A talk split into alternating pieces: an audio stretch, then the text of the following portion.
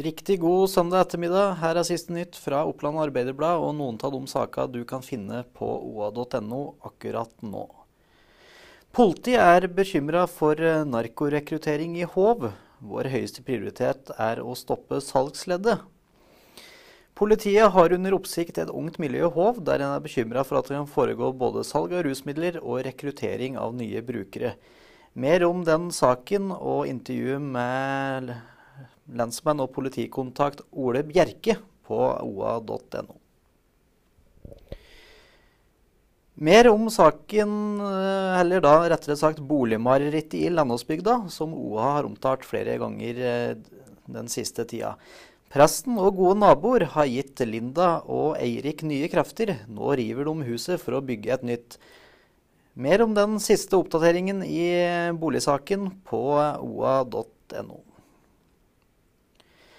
Natt til søndag ble det igangsatt en leteaksjon eh, etter en savna mann i 20-åra på Bøverbru. Oppland Arbeiderblad har snakka med Bjarne Skundberg, som hadde med seg schæferen Nala i regi av eh, norske redningshunder. Det er moro at det går bra noen ganger, sier eh, Skundberg til Oppland Arbeiderblad.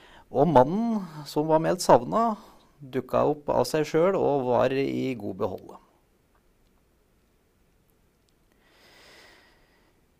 I dag er det full rulle i Premier League, men hvis du ønsker eh, litt påfyll av lokalfotball, kan du se Valdres FK mot Sogndal 2 direkte på oa.no nå klokka 16.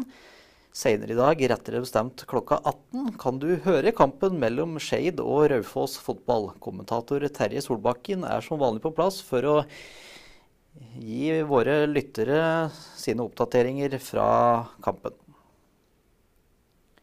Vi minner også om at du kan finne det siste fra næringslivet i Gjøvik-regionen på oa.no. Oppland Arbeiderblad har sett på registreringa fra Brønnøysundregistra i perioden fra 8. til 11. mai. Ha en riktig god søndag videre.